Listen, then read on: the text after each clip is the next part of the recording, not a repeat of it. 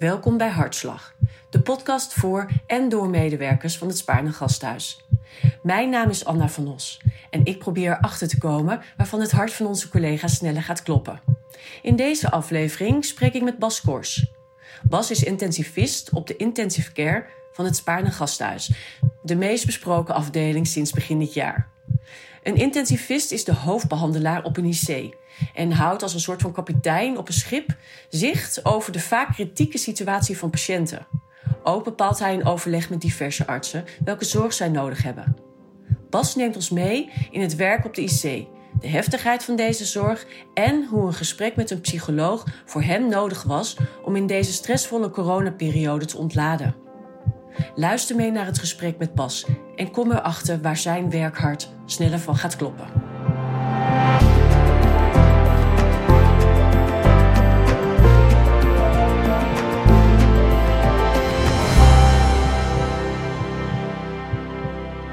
Hallo Bas. Je zorgt binnen het Spaarne Gasthuis voor acuut zieke mensen en ook patiënten die beademing nodig hebben. Kun jij aangeven wat voor jou belangrijk is als intensivist? Ik denk dat je. Natuurlijk gaat het om het puur medisch inhoudelijke. Want dat is toch uiteindelijk, denk ik, waar, waardoor, waarom iedereen uh, primair dokter wordt. Uh, dat is wat je interesseert. Dus het is in eerste instantie toch het puur medische wat je daarin aantrekt. maar goed, daarin ontwikkel je jezelf. En als intensivist is het voor mij natuurlijk belangrijk dat, dat ik de situatie herken. Dat ik zeker met name natuurlijk primair medisch inhoudelijk die mensen het beste kan behandelen. Maar dat ik daarna ook het totale plaatje zie van zo'n patiënt. Hmm. En vroeger was een intensive care afdeling een hele grote gesloten ivoren toren. Niemand, dat ziet soms nog wel eens een beetje gebeuren. Dat hoeft helemaal niet. Dat kan ik mensen hier geruststellen. Die deuren zijn gewoon open. maar het was, vroeger was het een redelijk ivoren toren, gesloten deuren. En wat er achter die deuren van de intensive care gebeurde, dat wisten echt niet zoveel mensen als je daar normaal gesproken niet werkte. En je ziet nu dat dat vak intensive care zich ontwikkeld heeft tot een, tot een vak waarbij de primaire focus ligt op je eigen afdeling, op de intensive care. Uh, maar ons vak gaat verder. Dus je hebt het nu ook over het herkennen van vitaal bedreigde patiënten voor de deur van de intensive care. Dus op de klinische afdelingen of op een SCH, op een spoedeisende hulp. Uh, maar daarna is, daarnaast, als we die mensen behandeld hebben, de impact van zo'n opname op een intensive care is enorm. Zeker als je daar al langer ligt of aan de beademing komt dat ook de maat van nazorg, dat we die nazorg en daar aandacht hebben voor die nazorg en wat die mensen hebben meegemaakt, ook daar hebben we tegenwoordig al veel meer aandacht voor. Dus het vak, dus je ziet dat het vak zich steeds meer uitbreidt. En je zegt ook van, uh, ik kijk naar de hele mens. Wat bedoel je daarmee? Uh, nou je hebt de neiging om als mensen bij jou in bed liggen op een intensive care, gaat het al heel snel op getalletjes. En gaat, spoor je per uur ja, wat, wat de kenmerken van zo'n patiënt zijn, of die voldoende plast, en uh, nou, of, of, het getalsmatig goed gaat, hè, die neiging heb je. Dat je uiteindelijk vergeet dat er misschien onder dat laken en onder al die apparatuur en snoeren nog steeds een mens ligt. En dat mens heeft een verleden en het heeft een beroep en dat heeft kinderen. Eh, en de mens heeft familie. En die familie, misschien maakt die patiënt het op dat moment niet mee, maar die familie maakt het wel mee. En soms is het trauma voor zo'n familie daarna groter dan voor zo'n patiënt die vaak helemaal niets meer afweet van die uh, intensive care opname, behalve dat hij voelt dat hij heel erg ziek is geweest. En dat hij beperkingen heeft opgelopen of dat er nog iets mis is met zijn slaap of met zijn geheugen. Dat zijn zaken die we dan zien. En wat doen jullie daaraan, zeg maar, om, om dat plaatje goed te krijgen? Nou, op, op de afdeling zelf hebben we, proberen we toch uh, zoveel mogelijk contact te hebben met, voornamelijk voor, natuurlijk liefst met de patiënt, als dat gaat. Uh, maar dan voornamelijk toch intensief contact te hebben met familie. En ons ook via die familie te verdiepen in ja, wat die patiënt voor, voor, voor persoon is. Uh, we zorgen aan bed zo snel mogelijk dat er foto's zijn, dat er een persoonlijk verhaal komt. Uh, daar hebben we ook een mooi ja, soort pamflet voor gemaakt en een bord die bij het bed hangt. En dan, is het ook, dan merk je ook dat het leuk is om te zien. en omdat dat die patiënt de foto's die aan het bord hangt met foto's van een bruiloft of een boottochtje, of dat dat een heel persoon, ander persoon is en ook heel anders uitziet dan dat er eigenlijk in bed ligt. Want je verandert heel snel Mensen zwellen op, houden vocht vast. Uh, er zitten allerlei zondes en een, en een tube bij wijze van spreken in de mond. En dat is niet meer de persoon die op die foto zit. En dat is eigenlijk de persoon zoals die, zo iemand in het leven staat. En hoe helpt dat jou?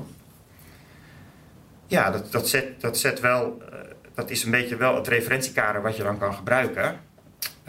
omdat dat veel meer iets zegt over de mensen die je aan het behandelen bent, dan de mensen die op dat moment bij jou kwetsbaar en weerloos in bed ligt.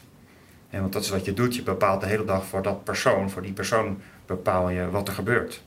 als wij willen dat wij iemand willen draaien, of op zijn zij, of wassen, uh, of uh, iets willen gaan doen wat pijn doet, ja, dat bepalen wij. We proberen dat wel zoveel mogelijk te vertellen. Maar uiteindelijk bepalen wij wat de dag wordt voor zo'n patiënt. Totdat hij langzaam maar zeker, hij of zij weer, weer wakker wordt en daar weer wat meer zelf zeggenschap over krijgt. Dus het helpt jou om te realiseren dat, je daar echt met, dat daar echt een mens ligt. Ja, met, en, waar we weer ja en waar je weer naartoe terug wil streven. Ja. Ehm, het is vaak heel lastig. En we, we zeggen vaak dat mensen niet vaak heel snel, zeker als ze ouder zijn, niet meer op het niveau terugkomen naar zo'n IC-opname als, eh, als voorheen. Maar dat is natuurlijk wel naar je ze naar streeft. En dat geldt voor mensen op oudere leeftijd, maar ook zeker voor mensen die, ja, die, nog, uh, die nog een beroepsleeftijd hebben, die nog een beroep hebben, die of een eigen bedrijf hebben, die terug willen naar eh, naar het normaal functioneren zoals ze dat eh, daarvoor deden. En dat is natuurlijk uiteindelijk toch weer het doel. Ja. Als we even een stap terugnemen in dit jaar, kan jij mij meenemen in hoe dit, die, die, dat, ja, die beginperiode voor jou is geweest? Ja, zeker. Dat, dat, dat staat natuurlijk heel helder op het netvlies. Ehm, we hoorden natuurlijk in de, december waren er al signalen, hè, vanuit Wuhan, uit China, ehm, dat er weer een, een ernstig SARS-virus was, was opgedoken. Uh, nou is dat, was dat voor iedereen, natuurlijk ook voor ons, niet nieuw. En we worden misschien wel elk jaar, elk najaar wel gewaarschuwd ehm, dat, er, dat, er weer, hè, dat er weer een SARS-virus aanwezig is. we zijn daar dan ook alert op, vooral natuurlijk bij screening op een eerste hulp gebeurt dat uh, dan veel. Maar eigenlijk um, ja, heeft dat voor ons geen consequenties, omdat we uiteindelijk toch die patiënten niet zien. Dat blijft dan vaak ergens in het Midden-Oosten een beetje hangen. Uh, en dit keer uh, was dat natuurlijk indrukwekkend, omdat China een hele grote miljoenenstad sloot. En we zagen dat dat natuurlijk toch wel heel snel richting Italië kwam en plotseling in Europa was. En ehm, ja, dan zie je dat Europa klein is, dat je heel snel webinars, artikelen, uh, ja, de Italianen die, noden, die luiden natuurlijk de noodklok. Dus het kwam heel snel naar ons toe. Ook via je beroepsvereniging werden we voor gewaarschuwd. En waren natuurlijk ook heel snel de voorspellingen dat, het toch, dat je erop kon wachten totdat het in Nederland was. En die beelden in Italië en de berichten in Italië en ook van onze collega's daar, wat we konden verwachten, waren natuurlijk heel indrukwekkend. Um, en, en, waren heel alarmerend. En wat dat betreft waren we ons bij wijze van spreken in januari en tot en met zelfs eind februari waren we ons hard aan het voorbereiden uh, ja, op de problemen die eventueel op ons afkwamen. En we zagen natuurlijk op een gegeven moment dat in Brabant en Limburg, waar toen ik geloof in Sittard de eerste patiënt was, en daarna ging het heel hard. En uh, waren we al heel snel, ja, wat dat betreft is, is, het, is het een, klein, kleine wereld en zijn die lijnen heel kort. En ik kon je via de beroepsvereniging, maar ook direct van collega's die wij kenden in Brabant, Limburg, ja, hoorden we hoe snel dat uh, zich ontwikkelde en hoe ernstig die situatie was. Met een ziektebeeld dat we eigenlijk niet kenden. Dus we kregen wel de tips en tricks vanuit Italië, vanuit het zuiden van het land, als je dan spreekt over ons ziekenhuis. Maar uiteindelijk moet je dat zelf gaan beleven. En wat deed dat met jou? Hoe waren jullie? Hoe hebben jullie je voorbereid? Ja, ja, ik heb het wel eens. sport is bij ons thuis een heel goed item. Dus het voelde alsof je bij wijze van spreken voor de voor de finale van een Champions League wedstrijd stond. Helaas heb ik dat nog nooit meegemaakt uh, persoonlijk. Uh, maar zo voelde het wel. Dus het was een enorme... Ik voelde het persoonlijk als een... Vergeleken met mijn enorme wedstrijdspanning. Uh, maar die wel wat minder gezond was als een normale wedstrijdspanning. en je natuurlijk toch gewoon het onbekende inging en je niet precies wist wat er, wat er ging gebeuren. Ehm, ik had op dat moment, toen het echt naar ons toe kwam, begin maart, hè, toen het zo hard losging, uh, werkte ik afhankelijk nog op onze eh, IC in een locatie in Hoofddorp. En nou, ik denk dat ons ziekenhuis gezegend is met het feit dat we een hele mooie Hoofddorp-locatie hebben die we COVID-vrij hebben kunnen houden, zoveel mogelijk. Er waren natuurlijk wel wat incidenten, maar we hebben het mooi kunnen scheiden tussen Hoofddorp en, en Haarlem. en ook die patiëntenstroom zou kunnen scheiden. Dus in instantie waren mijn collega's, die kregen de eerste ervaringen met die patiënten. En die voldeden volledig aan de beschrijvingen die we eerder vanuit Brabant uh, natuurlijk gehad hadden. Want je moet het eerst zelf nog maar meemaken. Ehm, dus op het moment, ja, er, er, kwamen noodroosters, er werd natuurlijk opgeschaald. we waren niet meer in controle. Dat was de DROAS landelijk die bepaalde hoeveel bedden er moesten zijn. er kwam natuurlijk een crisisteam in ons ziekenhuis. dus zo schaal je op een, en dat voel je allemaal. En het is natuurlijk een stroom van informatie en maatregelen die worden opgelegd. Uh, dus je komt echt in een soort crisismodus terecht. En dat voel je, en dat voel je thuis. En, uh, en dat bouwt zich op. Tot het moment dat je zelf op die afdeling stapt. En uh, ja, dat is een afdeling die totaal veranderd is, waar mensen wel al gewend zijn, of gewend zijn die al enige tijd in die op die afdeling werkten. Een afdeling die volledig veranderd was in een soort vesting uh, vol stond met materialen die nodig waren. Kamers die gesloten waren, mensen die onherkenbaar natuurlijk aangekleed waren.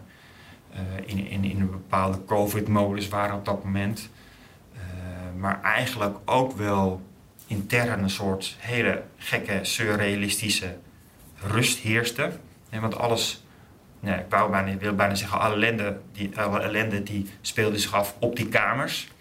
En, en dat was natuurlijk toch achter gesloten deuren. En ehm, ja, ik noem het altijd persoonlijk, het is mijn persoonlijke perceptie, maar ja, ik, ik heb dat als heel surrealistisch beleefd. Dat, dat je afdeling, die normaal gesproken heel licht en open is, uh, dat, dat, dat, dat dat nu veranderd was in een soort hele gekke coronavesting. Was er thuis bij jou angst? Ja, er was wel. Ik denk dat ik wel een bepaalde mate van angst gevoeld heb. Uh, ja, angst voor het onbekende natuurlijk angst door de verhalen die al gehoord waren. Uh, en uh, ja, bij je thuis zijn ze natuurlijk ook niet dom.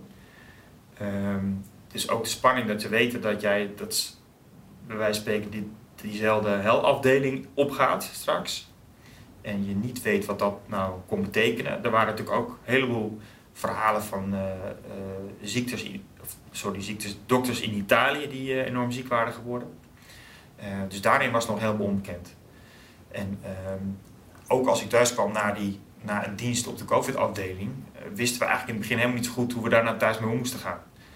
Ehm, dus ja, was ik besmettelijk of niet? Ehm, hoe besmettelijk was het? Dus, eh, dus, je dook aanvankelijk meteen onder de douche en daarna kwam je nog eens naar beneden. We hielden toch wel echt afstand. Feit was dat vlak voordat het allemaal begon, eigenlijk twee van mijn kinderen ziek waren geweest en ook mijn vrouw ziek werd. Eh, achteraf blijkt dat ook corona te zijn geweest. Eh, nog net eventjes eind februari een dinertje met ouders op de hockeyclub. Deel daarvan was wezen skiën in Italië. We wisten allemaal nog van niks. Dus we denken uiteindelijk dat het daarvan afgekomen is, vandaan gekomen is. En weken lang daarna bleek mijn vrouw dat ze antigene, antistoffen heeft. Dat ze positief is geweest. En we hebben toen ook ongeveer anderhalve week apart geslapen, bij wijze spreken. Omdat we niet precies wisten hoe we daarmee om moesten gaan. En dus mijn dochter lag op mijn plek en ik lag tussen de knuffels van mijn dochter in te slapen, tien dagen lang. Uh, en ondertussen deed ik mijn werk. Dus dat was eigenlijk de situatie thuis. En ja, zo hielden we een beetje afstand. Waren we toch gewoon wel voorzichtig. En later bleek dat dat, dat natuurlijk minder was. Uh, heel, ja, eerlijk gezegd, weet je, op een gegeven moment hou je dat ook niet meer vol. Eerlijk gezegd, dan, dan gaat dat ook niet binnen zo'n huishouden. Maar zeker in het begin was er wel angst voor het onbekende, denk ik. Ja. Dat is nu weg. Dat is nu weg, ja hoor. Zeker omdat we ook, je toch zelf ook meer het gevoel hebt dat je in controle bent. Dus dat, uh, ja. En je merkt ook dat als je op zo'n... In het begin had je zelf ook die, die spanning en die angst wel een beetje. Er zijn ook wel momenten geweest dat je echt daar wel... Dat, dat, dat een soort zenuwachtigheid bekroop. Maar je merkte wel dat op het moment dat je op die afdeling kwam te werken en jezelf kon aankleden, dat je daar controle over had. Dat je dat je zelf je maatregelen kon nemen. En dat je ook eigenlijk merkt dat het werken uh, op onze afdeling uh, veilig was. En, uh, er is zeker in die eerste periode is er ook niemand op onze afdeling ziek geworden. Geen dokters, geen verpleegkundigen.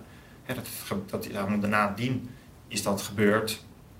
Ehm, bij de mensen waarbij dan niet onderkend werd dat er toch COVID een rol speelde. Dat zijn de gevaarlijke momenten. maar op het moment dat je weet dat iemand COVID positief is en je past daar je je zorg op aan, eh, dan is dat eigenlijk allemaal veilig. Hoe ging jij om met die situatie? Ja, ik ben wel ehm, als ik daarop terugkijk, ehm, en dat is voor, denk ik voor elke collega verschillend, maar je, voor mijzelf sprekend schiet je dan toch in een soort uh, crisismodus. Ehm, en dat wil zeggen dat je eigenlijk de hele dag ja, op een bepaald spanningsniveau functioneert. Ik heb eigenlijk wel eens een keer me, eh, een hele dag mijn hartslag willen, willen meten, eigenlijk, met de hartslagmeter om te kijken op welk niveau je dan eigenlijk zit. Uh, dus je bent de hele dag scherp, gespannen. En omdat dat ook zo overweldigend was, ook in het aantal mensen die ons kwamen helpen, uh, waarvan verwacht wordt dat jij wel hoofdbehandelaar bent, dat superviseert en alles goede banen leidt, ja, vreten dat in diensten van 12 uur enorme hoeveelheid energie. Uh, dus je, je kwam het ziekenhuis in, je ging aan en je ging 12 uur later, vaak 14 uur later, 15 uur later, ging je weer uit. En dat herhaalde zich bij wijze van spreken elke dag of elke avond, nacht. Uh, dus, dus, dus, dat maakte dat, dat je elke dag in een, ja, een soort, soort, soort crisismodus stond. En je was alert. Uh, en, maar dat geldt eigenlijk nog misschien wel voor elke dag dat je dienst hebt eh, op, een, op de afdeling. Eh, gelukkig kon iedereen eh, toch even ook zomervakantie vieren. Wat enorm, toch enorm welkom was. maar daarna stond iedereen alweer in de modus van wanneer komt die tweede golf? Want daar werd natuurlijk toch al over gesproken. En inmiddels zitten we daar natuurlijk alweer middenin. En heb je nog steeds dat, dat, dat, dat gevoel van in control en, en, en ja, dat is, dat is wel beter, omdat je, omdat je medisch inhoudelijk gezien toch meer grip hebt. We snappen nog helemaal niet van, van het beeld wat COVID heet. Uh, maar we weten inmiddels wel wat we kunnen verwachten, wat het beloop is. Nou daar kunnen we mensen dan ook wel beter over informeren. Uh, we krijgen daarvan, of we zijn ook heel veel in contact met de, met de longartsen, internisten daarover, uh, wat, wat hun ervaringen zijn. Die zijn er inmiddels toch ook specialist in geworden. dus dat vormt denk ik wel een goed team. Eh, dus je, hebt wel, je bent wel meer in controle over wat je met zo'n patiënt, en in, in ons geval, in de meeste gevallen aan de beademing, eh, hoe je daarmee omgaat, hoe je die mensen behandelt. Eh, maar je weet ook dat er nog een heleboel niet bekend is. Dat er, dat er nog steeds onverwachte dingen gebeuren. En toch ook wel nu, ten opzichte, dat speelde de eerste golf natuurlijk ook heel erg, maar toen stonden alle neuzen dezelfde kant op. En was er wat dat betreft ook in de verdeling van bedden landelijk ook veel meer samenhorigheid, uh, zie je nu dat er toch een veel meer karaktermodel is. Uh, omdat ook reguliere zorg belangrijk genoeg op peil gehouden moet worden. Uh, misschien ook wel het aanbod van patiënten vanaf de gewone COVID-afdeling, tussen aanhalingstekens dan gewoon, toch waarschijnlijk minder is en milder dan in de eerste golf. zie je dat we nu ook met minder verpleegkundigen voortdurend tegen een kraptemodel aanlopen. Dus je bent de hele dag ben je bezig met een grens. Je hebt altijd in je achterhoofd dat je eigenlijk geen of misschien nog één plekje hebt voor de volgende patiënt. Maar je hebt de informatie dat er wel twee of drie aan veel zuurstof op de afdeling liggen. Dus dat maakt het extra zwaar. Dat je altijd nog die spanning hebt van ja, hoe, moet ik maar, hoe moeten we, ons, hoe moeten we een, een nieuw probleem oplossen. Maar hoe ging jij daar zelf mee om? Had je hulp? Um, ja, het voordeel in, in maart was zo dat, dat ook maatschappelijk en ook bij jou thuis, en ik denk bij de meeste mensen thuis, uh, alle neuzen ook dezelfde kant op stonden. Dus iedereen wist inmiddels ook doordat er zoveel uh, zichtbaar was in kranten en tv, wist uiteindelijk wel wat je aan het doen was. En uh, stuur je natuurlijk foto's met hoe je er ingepakt uitziet. ik moest mijn dochter bijvoorbeeld wel geruststellen. die was best gespannen dat ik elke keer weer, die hoorde die slechte berichten, dat ik elke keer weer naar die COVID-patiënt toe ging. Dus op een gegeven heb ik ook gewoon even gevraagd aan verpleegkundige: maak even een foto van me met in, in pak en een vol ornaat. Om mijn dochter te geruststellen dat ik toch echt wel echt beschermd was. Uh, dat maakte dat zij weer wat rustig kon slapen, zullen we maar zeggen. Uh, maar iedereen wist uiteindelijk toch waar je mee bezig was. Dus je werd, wat dat betreft, weet je, althans voor mij persoonlijk werd ik thuis, werd het makkelijk gemaakt. Hoefde ik me over niks anders na te denken. En ja, werd het me zo dusdanig makkelijk gemaakt dat ik makkelijk gewoon weer die diensten kon volhouden. En dat ik de ruimte had om alleen mijn werk te doen. En thuis ja, minder de beslommeringen had en zorgen uh, dan normaal. En hoe ontlaadde jij je dan? Um, ja, meestal ging dat dan toch wel uh, gepaard met lange avondwandelingen. Wat natuurlijk meer mensen deden in de coronatijd. Want je had niet zoveel meer mogelijkheden. Uh, de zomer was mooi, dus je had mooie zomeravonden. Dus je kon dan toch gewoon even lekker wandelen. Klinkt oudbollig, wat normaal. Het liefst hardlopen, fietsen, dat soort zaken. Dus dat heb ik op dat moment ook veel meer gedaan dan gemiddeld. Dus dat was een heerlijke ontlading. Die avondwandelingen met goede muziek op je hoofd. Dat, uh, uh, dat zijn denk ik wel mijn momenten van ontspanning geweest. Uh, hebben je daarin ook wel weer geholpen om even je gedachten weer op een rij te zetten. Pas in een later stadium, eigenlijk toen de hele crisis al voorbij is, heb ik pas gebruik gemaakt van de mogelijkheid om ook eens met een, met een van onze medisch psychologen te spreken. wat dan op zich al, net zoals nu, een best gek uh, gevoel is. Omdat je dan eigenlijk bijna twee uur lang, kreeg daar rustige tijd is, dat je twee uur lang de tijd krijgt om over jezelf te praten en wat nou die periode met jou gedaan heeft. Maar ik had van mijn collega's wel inmiddels begrepen, want er zaten ook wat vaak eigenwijze dokters. We doen dat niet zo snel. Uh, er was heel veel hulp ook aangeboden vanuit de medische psychologie voor de verpleegkundigen. Uh, die daar wisselend gebruik van maakten, omdat ze het liefst eigenlijk allemaal zo snel mogelijk naar huis wilden. Maar goed, dat, ik denk dat dat toch wel zin gehad heeft waar onze diensten overlapten. Dus wij als dokters konden wij pas in een later stadium. Moesten we bij spreken een afspraak van maken. Om daar, als je dat dan wilde, met de medisch psycholoog over te praten.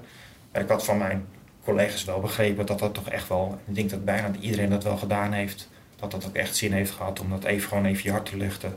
Ik weet ook niet wat andere mensen daarbij persoonlijk besproken hebben. Wat heeft het jou gebracht? Ja, om, om uh, gedachten te ordenen en uh, te benoemen uh, wat je meegemaakt hebt, om misschien even um, um, te eiken waar je nou precies zelf stond. In mijn geval was dat wel na aanloop van de zomervakantie waar ik enorm naar uitkeek.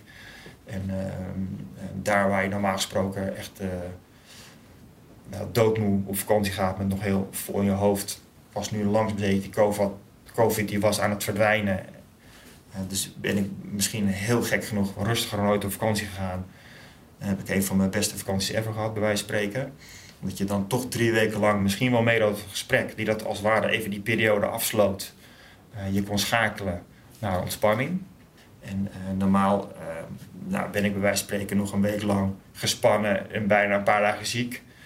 dan trek je lichamelijk weer een beetje bij. En de derde week ben je psychisch weer een beetje bijgetrokken. En dan moet je weer. En eigenlijk was ik deze vakantie nou ja, had het geluk dat ze drie weken op vakantie konden. was ik eigenlijk vanaf moment één was ik ontspannen. En misschien heeft dat gesprek daar wel aan bijgedragen. Dat zou kunnen. Als we kijken nog naar de symptomen van, van de COVID-patiënten, daar hadden jullie natuurlijk eigenlijk nog helemaal geen weet van. Wat, wat deed deze ziekte met jullie? De, de onbekendheid en alles wat daarmee te maken heeft. Wat, wat dat, deed dat met jullie onderling ook en met jou persoonlijk?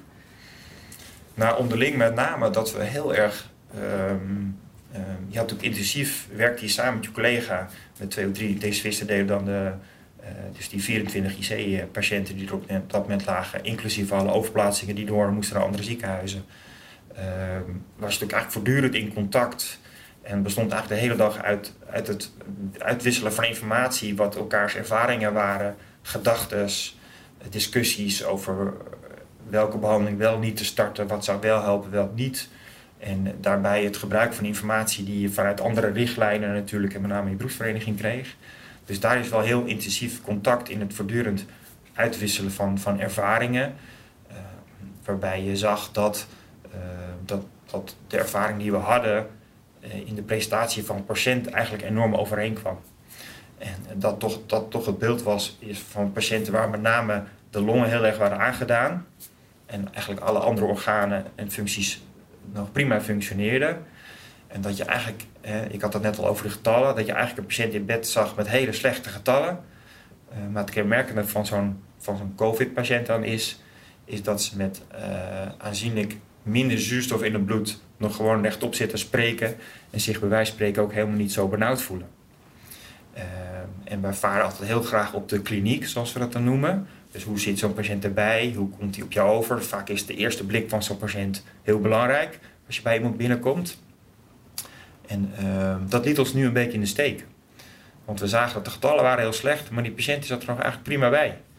En waren, voelde zich helemaal niet zo benauwd. Uh, maar we wisten ook dat als je daar te lang mee wachtte, en we wisten dat die mensen op een gegeven moment wel gingen verslechteren en benauwder werden, zieker werden, dat dat heel snel ging en dat je dan nog maar heel weinig marge had om in te grijpen. Want op het moment dat je dan ingrijpt en mensen, hè, en met ingrijpen bedoel ik dan aan de beademing leggen, ehm, zag je dat mensen nog veel sneller en verder achterop raakten. En dat je nog maar heel weinig marge had om veilig dat te kunnen doen. En dat was de voortdurende spanningsveld en strijd, denk ik, uh, waarmee we te maken hadden. Inclusief het feit dat we het, dat we het logistiek niet voor elkaar kregen om in bewijs van spreken, als je vier patiënten tegelijk kreeg aangemeld, van, hè, het, voor het spoedinterventieteam van kom die patiënt beoordelen, want dat gaat slecht, of die patiënt verslechtert, dat je ze nooit alle vier tegelijk kan opnemen. Dus je moest dat als het ware ook uh, temporiseren of misschien wel uitstellen. En je zag ook patiënten waarvan je wist, nu gaat het wel, maar misschien vanavond niet meer. Dus het was eigenlijk een continu doorlopend proces van 24 uur per dag. Uh, aanbod van patiënten en aftasten wie wel nog marge had en wie niet. Maar je wist eigenlijk dat bijna alle patiënten uiteindelijk toch wel naar je afdeling gingen komen. Voel je je niet af en toe gewoon heel erg machteloos in het hele proces?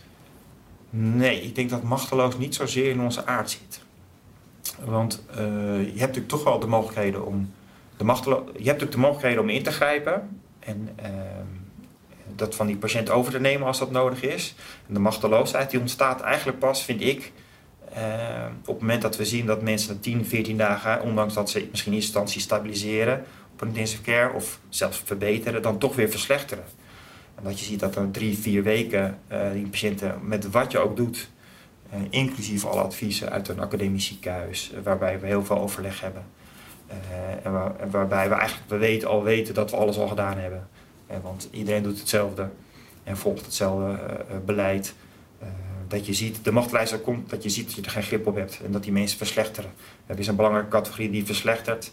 We denken dat ongeveer zo'n kleine 30% in ons ziekenhuis van de mensen die uiteindelijk komt in intensive care komt, toch overlijdt. En dat kunnen ze wel oudere mensen zijn, maar ook gewoon, gewoon van middelbare leeftijd. En eh, dan, dan, dan komt die machteloosheid beter tot uiting. Dus op momenten dat ze verslechteren en dat je er geen grip meer op hebt met, en met alles wat je doet, je ziet uh, en je voelt dat je dan die strijd gaat verliezen. Ja. Zijn er momenten, kun je momenten terughalen waar je het meest bent geraakt? Wat zijn de momenten die je nog in het geheugen liggen van, of die je onlangs hebt meegemaakt? Ja, dat zijn natuurlijk toch voornamelijk wel de momenten waarin we, uh, gek genoeg, waarin patiënten nog wakker zijn, bij wijze van spreken, wanneer je nog in contact uh, bent met ze. Mijn eerste besluit, of een besluit om voor het eerste patiënt naar onze intensive care te halen vind ik een belangrijk, belangrijk moment. Heb je ook een voorbeeld van met een, met een patiënt wat je hebt meegemaakt? Nou, eigenlijk met dat je dat te maken had met de overweging die ik net al schetste. Dat je een man had waarvan je dacht van nou, die, hij verslechtert, hij moet naar intensive care. Uh, de anesthesiologen, die, uh, dat is voor een deel nu ook nog zo, die, die, uh, omdat, dat, omdat je zo kan worden blootgesteld tijdens een intubatie, het, inbrengen van een beademingsbuis ehm, eh, tijdens die procedure eh, is dat iets wat snel en goed moet gebeuren. En het liefst dan door een anesthesioloog, omdat hij dat nou eenmaal het meeste doet. Eh, dus die afspraak was er. Dus je geeft opdracht van nou, je neemt de beslissing, die patiënt moet aan de beademing. dus die man die, die kwam bij ons, we zorgden dat hij daarvoor gereed was. Er werd geïntubeerd en daarna was die man eigenlijk volstrekt stabiel. Weinig zuurstof nodig, lage beademingsvoorwaarden zoals we dat noemen. Geen problemen met de bloeddruk, rustig in slaap. Er lag gewoon een manier, zoals bij wijze spreken na een operatie, niks aan de hand, alleen een beetje zieke longen. Dus op dat moment denk je als dokter, verdorie, ik ken het ziektebeeld nog niet, maar dit is dus te vroeg. En je ziet na twee, drie dagen verslechterde die man en kreeg die koorts en werd hij zieker en zieker. Ja, en tien dagen later was hij dood. En um, ja, dat maakt dat beeld indrukwekkend. En zo zijn er meer mensen zijn meer patiënten die je bijblijft die ook na heel veel strijd drie weken later overlijden. Uh, mensen waarvan achteraf blijkt dat het in je eigen dorp een publieke figuur geweest is of een geliefd persoon is geweest. Veel familiedrama's, uh, dus partners die een week na elkaar werden opgenomen, waarvan je weet dat de kinderen alleen thuis zitten. jonge mensen, een verpleegkundige vanuit de thuiszorg die blootgesteld is, hè, 24 jaar uh, die dan toch uiteindelijk aan de beademing komt. Uh, maar het uiteindelijk gelukkig ook weer overleeft. Uh, ja, dat, zijn, dat zijn indrukwekkende dingen die die je, ja, die je vanuit zo'n crisis bijblijven. Ja. Het zijn dus vooral de kleine persoonlijke drama's die je misschien op dat moment in die crisismodus doet, ermee omgaat zoals je dat gewend bent. En daarin waren we als intensivist ook wel heel verschillend, denk ik. maar als je erover nadenkt, ja, dan doet dat je natuurlijk enorm veel. En dat is natuurlijk kenmerkend van zo'n, ja, ik kan bijna zeggen persoonlijk, maar ook maatschappelijk drama, wat dit natuurlijk overal ter wereld, waar, waar dit speelt. En dan hebben wij het in Nederland eigenlijk nog goed. Ja. Hebben we de beste faciliteiten. Ja. Als jij uh, nu uh, naar je vak kijkt, in hoeverre is die veranderd met, met de komst van COVID? Uh, ik denk dat, oh, dat primair ons vak niet veranderd is. Um, daar waar je zag dat de intensive care geneeskunde aan het veranderen was, uh, omdat je zag dat de, manier van opereren en dat er gelukkig gewoon dat er dat er verbeteringen zijn, dat er minder invasief ge geopereerd wordt, dat er minder complicaties zijn. Toch een, gek genoeg, waar toch ook een afdeling als intensive care ook wel een beetje van leefde. Uh, los van de, van de problemen van mensen die vanuit het ziekenhuis, uh, vanuit buiten bedoel ik, het ziekenhuis inkomen, vanuit via de eerste hulp. Uh, zag je toch dat, dat, dat de intensieve zorg zich veranderde. Dus daar waar mensen iedereen strak de hele dag aan de badem lag en niet bewoog, zag je dat, dat het veel meer ging richting intensieve medium care zorg. Waarbij een ja, patiënt niet aan de bademing, maar wel waarbij we het al snel tegenwoordig medium care zorg noemen, dat die zorg nog wel veel intensiever is. Uh, je hebt minder controle over die mensen. Uh, ze zijn aanspreekbaar. Ze hebben een mening, ook belangrijk, waar je natuurlijk rekening mee moet houden. Dus dat maakte dat de intensive care geneeskunde enorm aan het veranderen was. Uh, ik denk dat we daar ook nog, dat daar ook wel onze toekomst zit, dat we daarin nog veel meer kunnen gaan betekenen. Eh, voor, voor de ziekenhuiszorg. Maar dat we nu zien, ja, dat we ook weer teruggaan naar, naar die hele intensieve zorg, zoals wij het medisch inhoudelijk misschien even heel gekscherend zakelijk liefst zien, is dat we toch ook gewoon meer mensen aan de beademing zien. En dat we te maken hebben met ja, die type patiënt, uh, waarvoor je misschien eigenlijk wel stiekem intensivist geworden bent. Uh, en dat is mensen aan de beademing, uh, waarbij je de hele dag, elk uur daar omheen loopt, moet lopen, rondjes loopt, bijschaven, bijstellen. Waar kan er wat bij, waar moet er wat af? Om maar controle te houden over het, ja, over dat ziektebeeld, over die patiënt, over dat mens dat in bed ligt. Ja. Hoe denk je dat die zorg er over tien jaar uitziet? Ik denk dat de, dat de, dat de zorg was zich al ontwikkelen als een zorg waarbij mensen te korter in het ziekenhuis kwamen te liggen er veel meer in dagbehandelingen polyklinisch al gebeurde. Ik denk dat nu zeker het, het telemedicine of het, het de videoconsulting, eh, dat dat voor zeker een belangrijk deel van onze uh, uh, mensen in Nederland, dat dat, dat dat wel een heel belangrijke functie zou kunnen gaan hebben. Dat dat nu ontdekt is. Dat, heeft, dat is natuurlijk ook in de sneltreinvaart nu ontwikkeld. En voor een grote groep mensen is dat een enorme uitkomst. Want je hoeft bij wijze van spreken niet meer naar het ziekenhuis. Uh, behalve misschien even wat bloed te laten prikken. Want dat gaat nou eenmaal nog niet uh, via een computer. Um, en voor een bepaalde groep mensen, die zullen altijd, zal het altijd belangrijk zijn om die patiënt te blijven zien natuurlijk. Want je haalt, hebt al een heleboel informatie haal je uit het feit hoe een patiënt of een mens bij jou de spreekkamer in moet lopen. Uh, maar ik denk dat daar nog wel een belangrijke hoeveelheid ontwikkeling zit. Ik denk wel dat de populatie van mensen, van patiënten die in het ziekenhuis komen te liggen, die worden ook wel wel zieker. Want die zijn niet meer in staat daarvan is het echt nodig dat ze in het ziekenhuis blijven. Uh, maar als het maar even kan, gaan die mensen al naar huis. Uh, dus je krijgt een selectie aan de poort, voor de poort nog, van mensen die echt die ziekenhuisopname nodig hebben. Maar dat maakt dat de, de groep patiënten die in het ziekenhuis blijft liggen, denk ik wel algemeen gezien zieker is dan 10, 20 jaar geleden. Um, wat voor impact gaat dit hebben op de, op de IC dan? Als we daar ook naar kijken over zeg maar 10 jaar? Ja, ik zie daar wel een belangrijke rol in. Omdat we toch vaak de dokters zijn die worden genoemd, of worden, sorry, worden, worden geroepen op het moment dat men ziet dat patiënten verslechteren. En we zien ook vaak dat we dat al veel heel hard kunnen signaleren. Dus we gebruiken nu al gebruik van het eh, early warning score systeem. Waarin uh, symptomen van patiënten samenkomen tot een bepaalde score. Waar je kan zien dat is dan wetenschappelijk ook bewezen. Waarom kunnen zien dat mensen, als die score oploopt, dat mensen verslechteren. En dat je, dat je moet gaan ingrijpen. En als je dat maar vroeg genoeg doet, dat je daarbij een heleboel schade of zelfs misschien wel overlijden voorkomt. En, um, er is ook een categorie patiënten die zo ziek zijn, gezien de druk en tekort aan verpleegkundige afdeling, dat eigenlijk die zorgzwaarte voor die patiënten, als je heel eerlijk bent, wel veel te groot is voor een afdeling. En dat daarbij een afdeling intensive care, daarbij medium care of high care zorg een steeds grotere rol gaat spelen.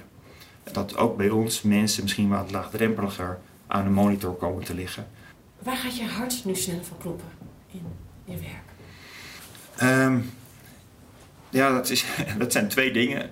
Uh, dat is natuurlijk toch gewoon als alles. Want daar gaat het toch uit.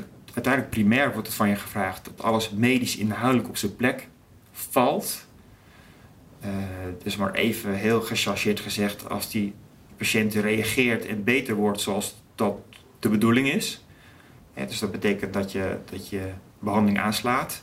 Dus dat wat jij bedacht hebt, dat dat ook daadwerkelijk klopt en mensen snel opknappen. Uh, waarbij toch het moment dat je ziet ja, dat, dat mensen het gaan halen, uh, dat ze weer wakker zijn, dat je contact met ze hebt. En dat ze door die periode van intensive care heen komen. Dat is het ook eigenlijk wel het, het, ja, daar waar je het voor doet. En uh, waarbij het helemaal fantastisch is. En heel veel van die mensen komen dan vaak nog bij ons nog eens een keer om even gedachten te zeggen.